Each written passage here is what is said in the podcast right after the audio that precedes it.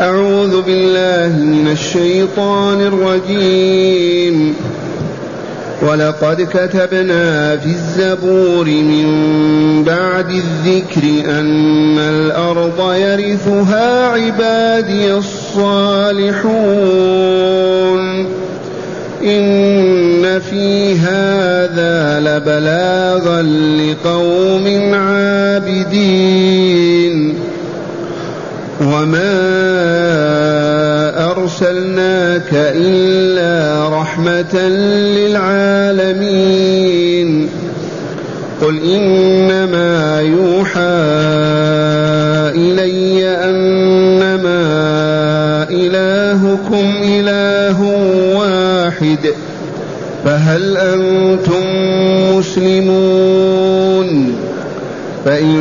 تولوا فقل آذنتكم على سواء وإن أدري أقريب أم بعيد ما توعدون.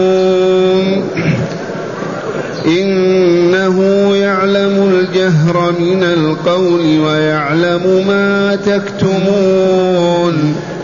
وإن أدري لعله فتنة لكم ومتاع إلى حين. قال رب احكم بالحق. وربنا الرحمن المستعان على ما تصفون.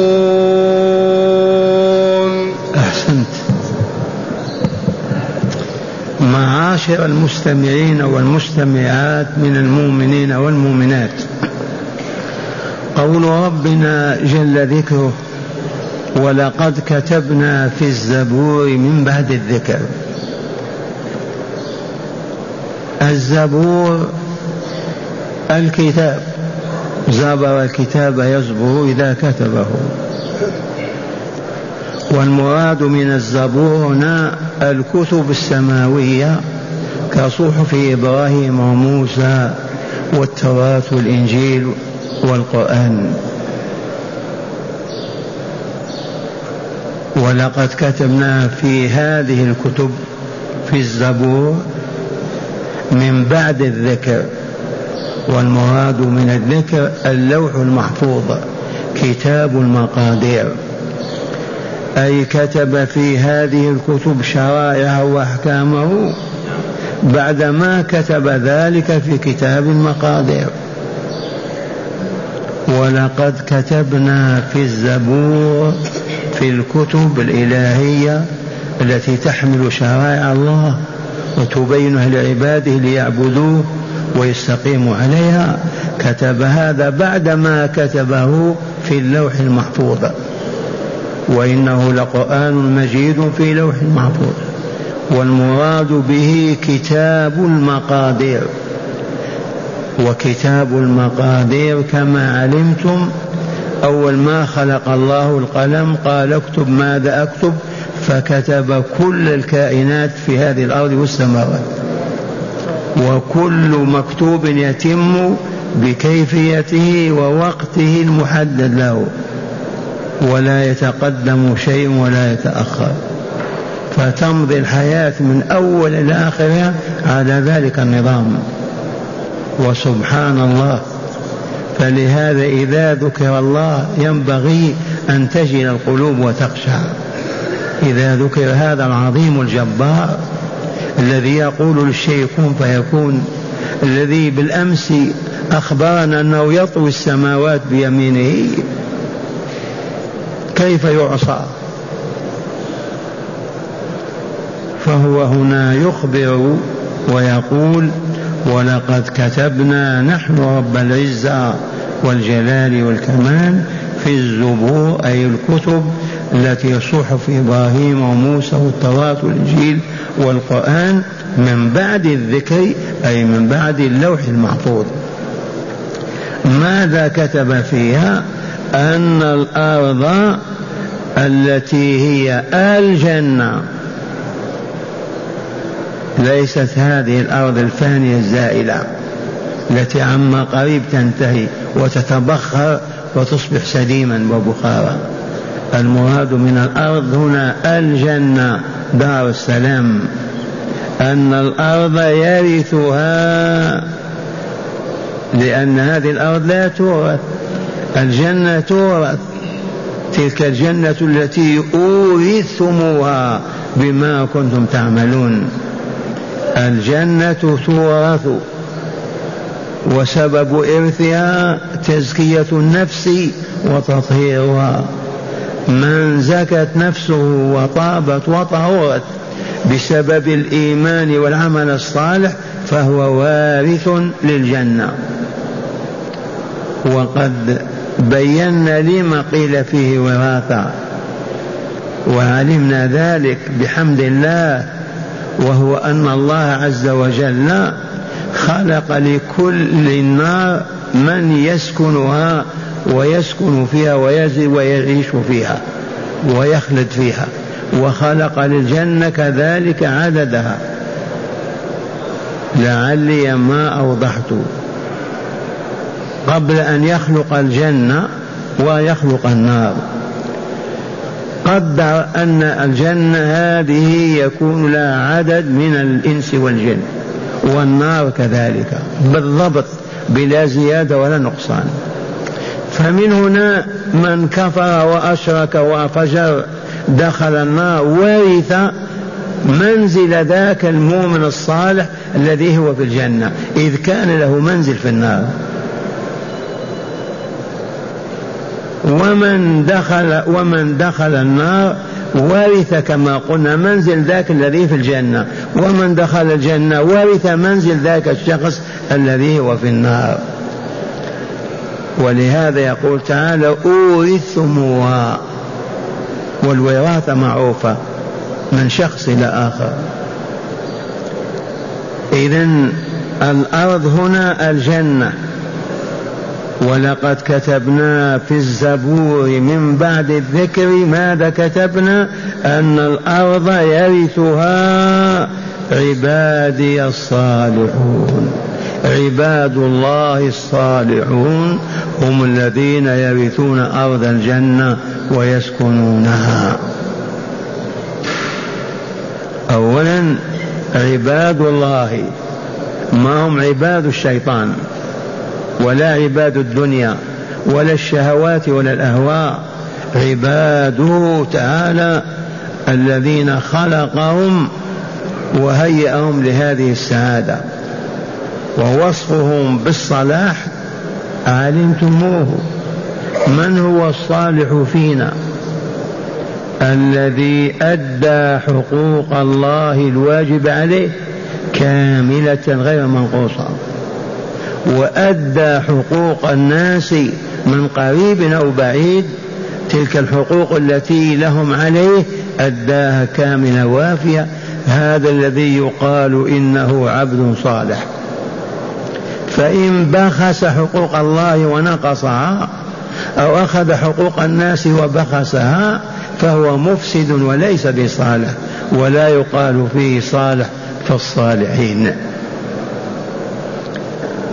الصالحون من عباد الله هم الذين أدوا حقوق الله الواجب له عليهم مقابل خلقهم ورزقهم وخلق الحياة لهم والجنة والنار من أجلهم. هذه الحقوق ما هي؟ أن يذكروه فلا ينسوه وأن يشكروه بالصالحات فلا يعصوه. هؤلاء هم الصالحون هم الذين كتب الله في الزبور في الزبور وفي اللوح المحفوظ أنهم أهل الجنة الوارثون لها. قولوا اللهم اجعلنا منهم. اللهم اجعلنا منهم. هذا معنى قوله تعالى ولقد كتبنا في الزبور من بعد الذكر أن الأرض يرثها عبادي الصالحون. ولا تقل المراد بالأرض أرضنا هذه لا. أرضنا هذه نقرأ لها آية من سورة هود عليه السلام. من كان يريد الحياة الدنيا وزينتها نوفي إليهم أعمالهم فيها وهم فيها لا يبخسون. أولئك الذين ليس لهم في الآخرة إلا النار وحبط ما صنعوا فيها وباطل ما كانوا يعملون. يا عباد الله من كان يريد الحياة الدنيا وزينتها فليعمل. ليل نهار فليجد فليبذل طاقاته جهوده فالله لا يحرمه جهده وطاقته لأنه كافر. بل زراعته تحصد وصناعته تنتج وهو بحسب جهده وطاقته. لا تقل لما الكافر يزرع ويحصد لما يبني ويصنع وينتج. الجواب لا. اسمع الله يقول من كان يريد الحياة الدنيا تعرفون يريد معنى يحبها ويرغب فيها ويطلبها. نوفي إليهم أعمالهم فيها بحسب جهدهم وطاقتهم واحتيالهم و وذكائهم. يوفيه كذلك ما يحرث كافر ويقول كيف ينبت زرعه ويحصد لأنه كافر انزع هذه من ذهنك. ما يبني تقول كيف يبني عمارة أو يصنع مصنع. هذا موكول إلى جهده وبذل طاقته. ما يحرمه الله من جهده في الدنيا. لأنه يريد الحياة الدنيا وزينتها. قال تعالى نوفي إليهم أعمالهم فيها. وهم فيها لا يبخسون أبدا. لا ينقص عملهم في دنياهم لأنهم كافرون. ولكن والدار الآخرة ماذا؟ ليس لهم في الآخرة إلا النار. وحبط ما صنعوا في هذه الدنيا وبطل ما كانوا يعملون. مرة ثانية يقول تعالى من كان يريد الحياة الدنيا وزينتها نوفي إليهم أعمالهم فيها وهم فيها لا يبخسون. أولئك الذين ليس لهم في الآخرة إلا النار وحبط ما صنعوا فيها وباطل ما كانوا يعملون. هل فهمتم هذه الآية؟ لا تقول كيف اليابان يصنعون والصين يطيرون وهو هذه جهود بذلوها. ما حصلوا على هذه المصانع وهذه الأموال وهم نائمون أو سكارى أو يخبطون ويخلطون بل كانوا يجدون ويعملون وإلا لا ليل نهار ويبحثون وهو وصلوا إلى هذا الذي وصلوا إليه فكفرهم لا يحرمهم جهدهم وطاقتهم في هذه الدنيا. إذ الله عز وجل خالقهم هو الذي أخبر بهذه الحال. أما في الآخرة فهم حبط ما صنعوا في الدنيا وبطل ما كانوا يعملون. ليس لهم في الآخرة إلا النار. قلت هذا حتى تفهموا من قول ربنا تعالى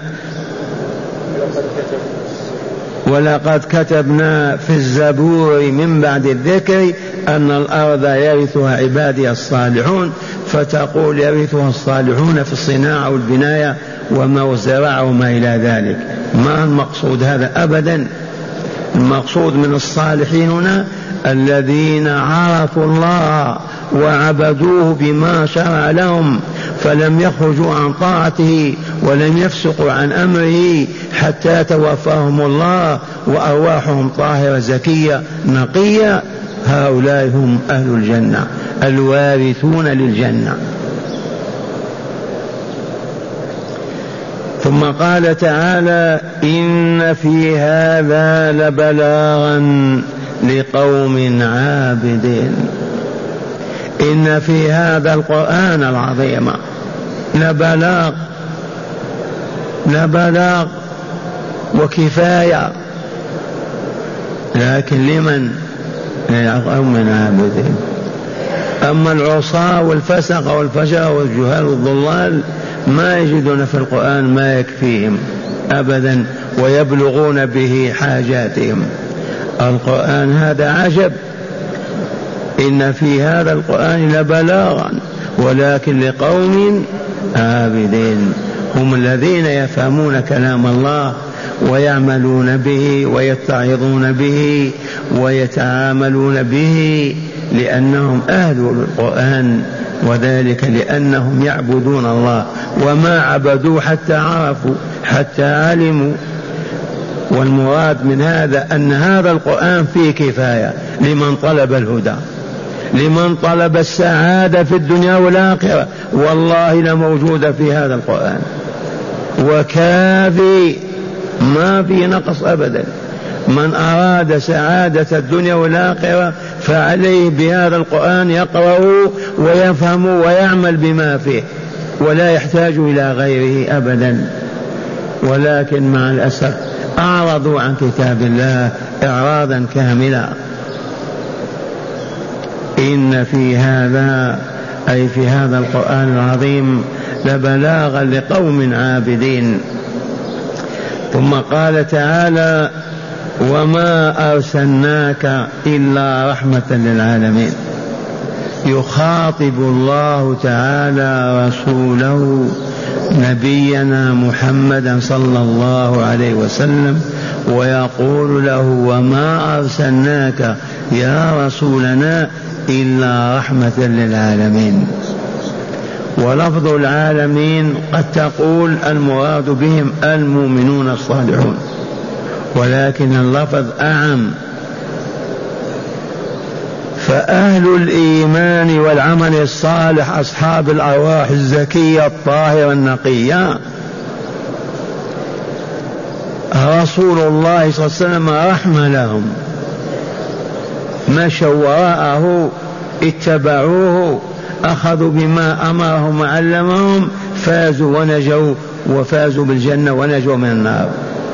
والذين كفروا ولم يقبلوا على الرسول ولم يستجيبوا له رحمة الرسول فيهم أن الله لم ينزل بهم الدمار. والخراب كما كان ينزله على الأمم السابقة إذا عصت رسلها وكذبتهم. الأمم السابقة كما عرفتم عن عاد وثمود الأمة إذا عصت رسوله وكذبته ينزل الله بها النقمة في الدنيا بالخراج والدمار والمسخ لكن العالمين في بعثة محمد الأمين كلهم آمنون. ما مسخ فرد ولا عشر ولا قرية ولا بلاد أبدا. لأنه رحمة للعالمين. وما أرسلناك للشقاء والعذاب للبشرية ولكن أرسلناك رحمة لهم. فمنهم الذين كفروا بك لم ينتقم الله منهم في الدنيا ولم ينزل بهم العذاب الأليم الشديد العذاب العام. كالمسخ أو التخريب أو التدمير. وهذه ميزة الرسول صلى الله عليه وسلم ميزه الله بها. وما أرسلناك إلا رحمة للعالمين. أبيضهم وإنسهم وجنهم. عرفتم وجه الرحمة للكافرين؟ أنهم ما يواخذون في الدنيا بالعذاب الكامل. كأن يغرق بلادهم أو ينزل بلاء عليهم أو أو يصيبهم بوباء كامل يجتاحهم لا. ببركة رحمة الرسول صلى الله عليه وسلم يعيشون على كفرهم حتى الموت. ثم قال تعالى قل إنما يوحى إلي أنما إلهكم إله واحد فهل أنتم مسلمون؟ الاستفهام هنا بمعنى الأمر أسلموا إنه يوحي إلي ربي بأنه لا إله إلا هو فاعبدوه فأسلموا قلوبكم ووجوهكم له. يا عباد الله قل يا رسولنا بلغ إنما يوحى إلي ماذا؟ أنما إلهكم إله واحد. لا اثنان ولا ثلاثة ولا عشرة واحد فقط وهو خالقكم وخالق العوالم كلها والمدبر للكون كله الله الواحد الأحد فقط. فاعبدوه أسلموا قلوبكم ووجوهكم له. بلغ يا رسولنا. قل إنما يوحى إلي أي أعلم من يوحي إلي من يعلمه الله. ما هو يقول من عنده أو من فكره أو من رأيه. يوحى إليه ماذا؟ أنما إله البشرية إله واحد. أبيضهم كأسودهم عربهم كعجمهم إذ الإله الحق هو الخالق لهم. الرازق لهم المدبر لحياتهم. فهو واحد ليس بعشرة ولا اثنان ولا ثلاثة. إذا فهل أنتم مسلمون؟ عجلوا بالإسلام ادخلوا فيه. قولوا لا إله إلا الله محمد رسول الله وأقيموا الصلاة وآتوا الزكاة ورابطوا وجاهدوا في سبيل الله.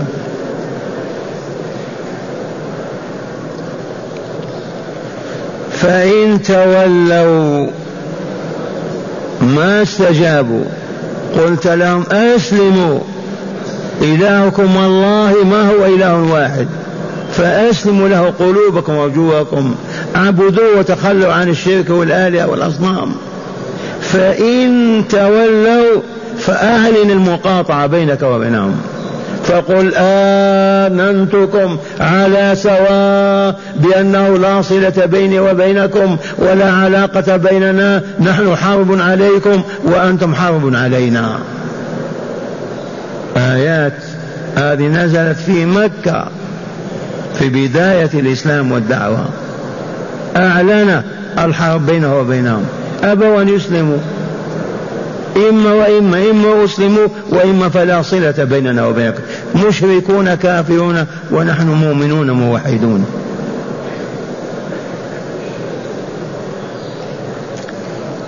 فإن تولوا أعرضوا ما أقبلوا رفضوا الإسلام والدخول فيه فقل إذا آذنتكم أي أعلمتكم على سواء بيني وبينكم. وإن أدري قريب أم بعيد ما توعدون. ما ندري عذابكم قريب أم بعيد. العذاب لا بد.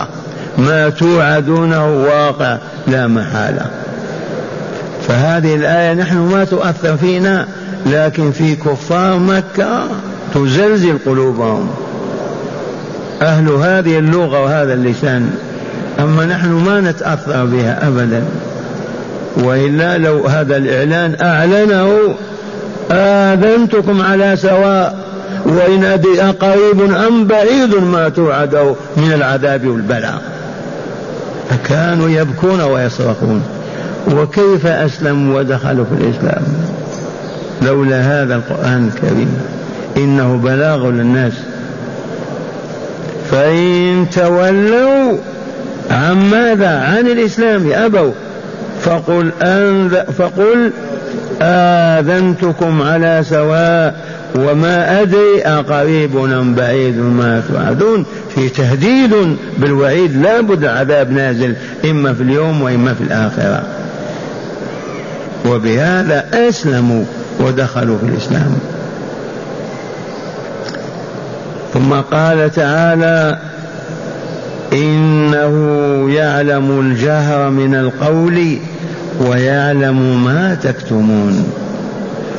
أخبرهم أن ما يقولونه بالتبجح والصياح محمد شاعر مجنون لا نقبل كالذي يختلون ببعضهم البعض ويقولون كذا وكذا كل هذا معلوم لله.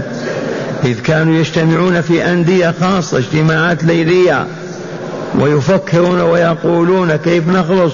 كيف ننجو من هذه الحرب هذه الدعوة؟ فأعلمهم الله بأنه يعلم سرهم ونجواهم. علمهم بهذا. إنه أي ربي تعالى يعلم الجهر من القول ويعلم ما تكتمونه وتخفونه من القول. على حد سواء. انتبهوا. ارفعوا رؤوسكم. وفعلت هذه الآيات فعلها. كيف أسلم عمر؟ كيف أسلم حمزة؟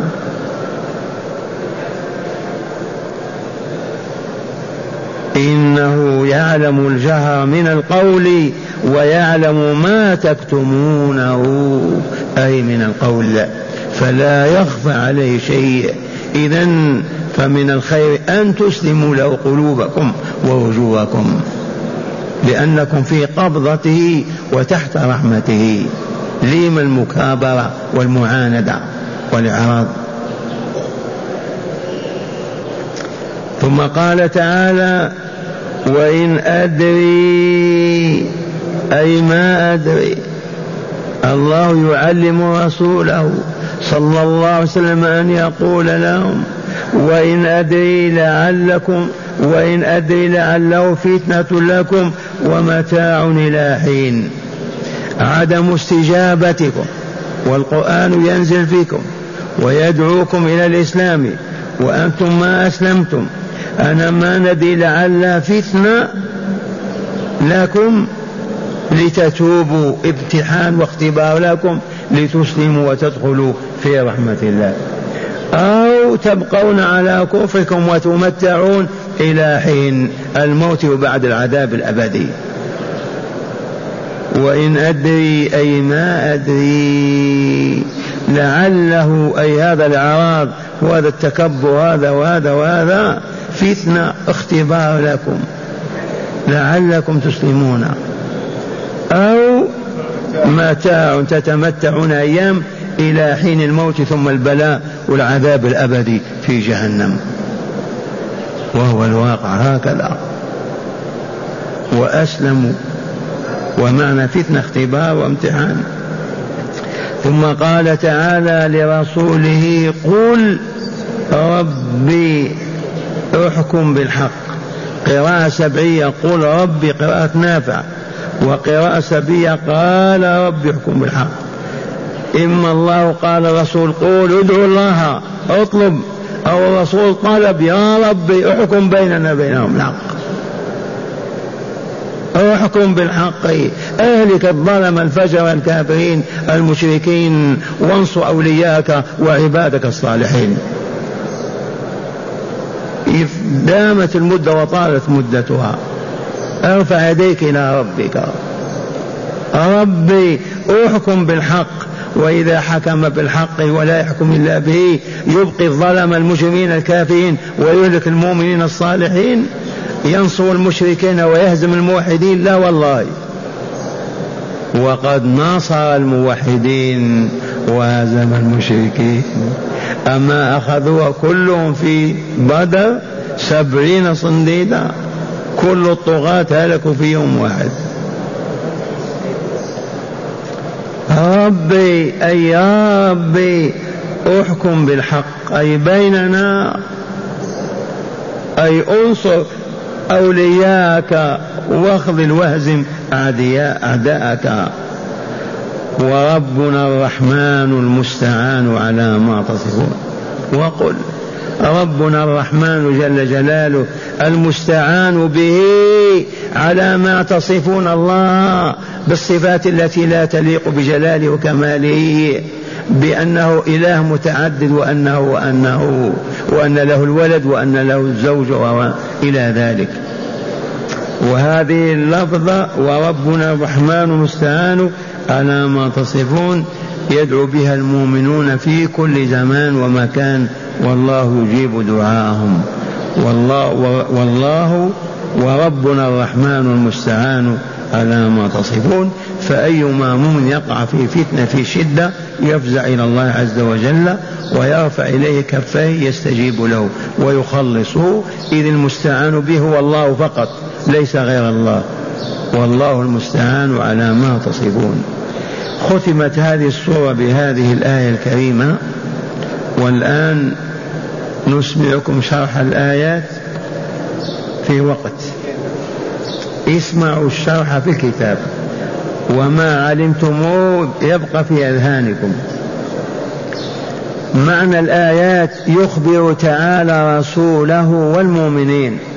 يخبرهم بوعده الكريم الذي كتبه في كتبه المنزلة بعد كتابته في الذكر الذي هو كتاب المقادير المسمى باللوح المحفوظ. علمتم هذا أن أرض الجنة يرثها عباده الصالحون. هذا ما دلت عليه الآية الأولى. ولقد كتبنا في الزبور من بعد الذكر أن الأرض جنة يرثها عبادي الصالحون. وقوله تعالى إن في إن في هذا لبلاغا لقوم عابدين.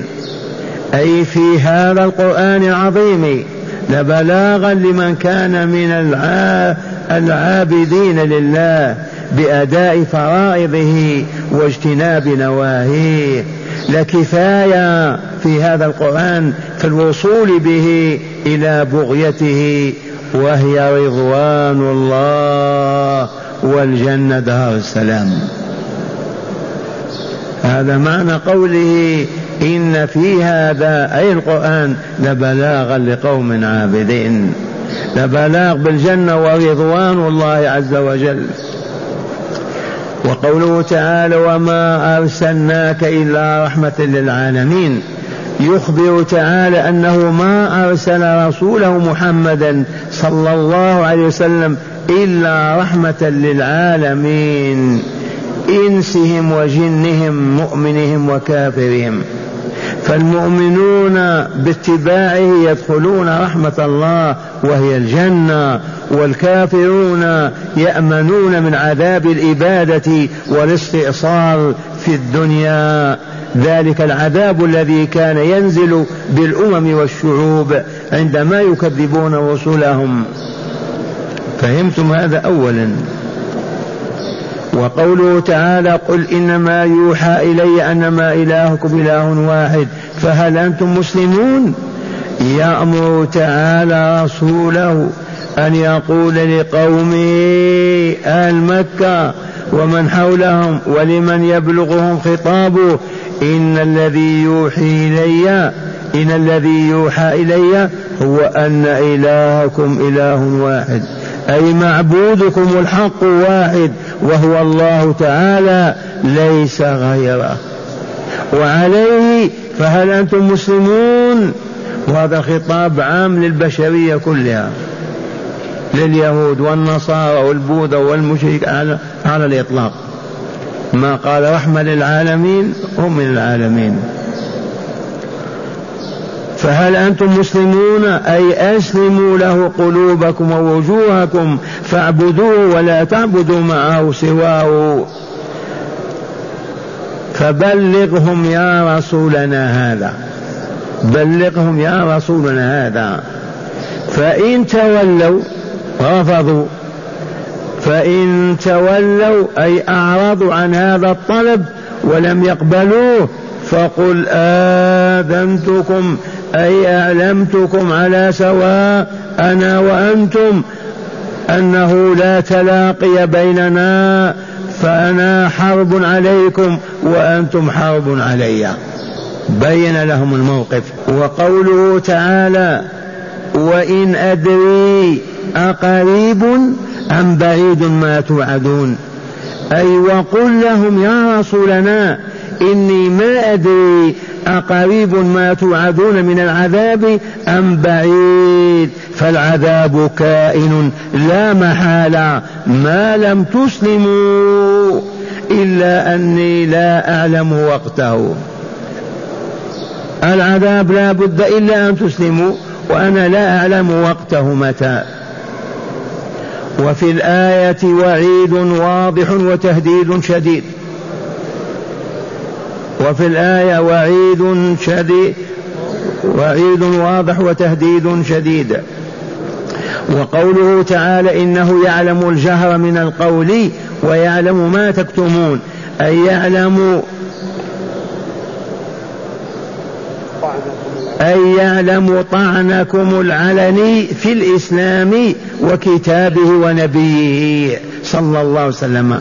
كما يعلم ما تكتمونه في نفوسكم من عداوة وبغض وما تخفون من إحن وفي هذا إنذار لهم وتهديد وهم مستحقون لذلك. وقوله تعالى وإن أدري أي وما أدري لعله أي تأخير العذاب عنكم بعد استحقاقكم له بحربكم للإسلام ونبيه فتنة لكم أي اختبار لعلكم تتوبون فيرفع عنكم العذاب أو هو متاع لكم بالحياة إلى آجالكم ثم تعذبون بعد موتكم. فهذا علمه إلى ربي وبهذا أمرني بأن أقول لكم. فقلت وقوله تعالى قال رب احكم بالحق وفي قراءة قول رب احكم بالحق أي, قل أي قال الرسول صلى الله عليه وسلم بعد أمر الله تعالى بذلك يا رب احكم بيني وبين قومي المكذبين لي المحاربين لدعوتك وعبادتك وعبادك المؤمنين بالحق وذلك بنصري عليهم أو بإنزال نقمتك بهم. وقوله تعالى وربنا الرحمن المستعان على ما تصفون أي وربنا الرحمن عز وجل هو الذي يستعان به على إبطال باطلكم أيها المشركون حيث جعلتم لله ولدا وشركاء ووصفتم رسوله بالسحر والكذب. والآن مع هداية الآيات. بسم الله والحمد لله. من هداية الآيات أولا المؤمنون المتقون وهم الصالحون. هم ورثة الجنة دار النعيم المقيم. المؤمنون المتقون وهم عباد الله الصالحون هم الوارثون للجنة. دار السلام. ورثوها لا بالأنساب انتبهتم؟ ولا بالمال ولا بالجاه ولا بالسلطان.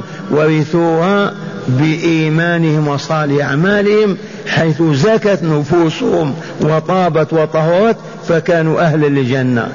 ولا ننسى حكم حكم الله قد أفلح من زكاها وقد خاب من دساها وليكن ابن من شئت من شاء. ثانيا في القرآن الكريم البلغة الكافية لمن آمن به وعمل بما فيه بتحقيق ما يصبو إليه من سعادة من سعادة الدار الآخرة. القرآن الكريم بلغة وكفاية لمن أراد أن يكمل ويسعد في الدنيا والآخرة. وويل للمعرضين عن كتاب الله وهنيئا للمحكمين له العالمين بما فيه العاملين بتعاليمه ثالثا بيان فضل فضل النبي صلى الله عليه وسلم وكرامته على ربه حيث جعله رحمة للعالمين. أي نعم. بيان فضل النبي صلى الله عليه وسلم وكرامته حيث جعله الله رحمة للعالمين. ونعم عرفتم رحمته للعالمين؟ للمؤمنين يدخلون الجنة وراءه وللكافرين ما يعذبون في الدنيا بالعذاب الأليم عذاب الإبادة والاستئصال كما كانت الأمم السابقة تعذب. فهل بلغكم أن أمة من الأمم مسخها الله أو غرقت بها الأرض أو كذا؟ من عهد الرسول اليوم ما حصل. نعم. آه رابعا وجوب المفاصلة بين أهل الشرك وأهل التوحيد. وجوب المفاصلة بين أهل الشرك وأهل التوحيد بين أهل الكفر وأهل الإيمان بين أهل الطاعة وبين الفسق والفجور. ما يلتئمون وهم مختلفون. المفاصلة هي الحق. أسلم أنت معنا. كفرت التفت إلى غيرنا. لا ولا الولاية إلا للمؤمنين. هذه الحقيقة.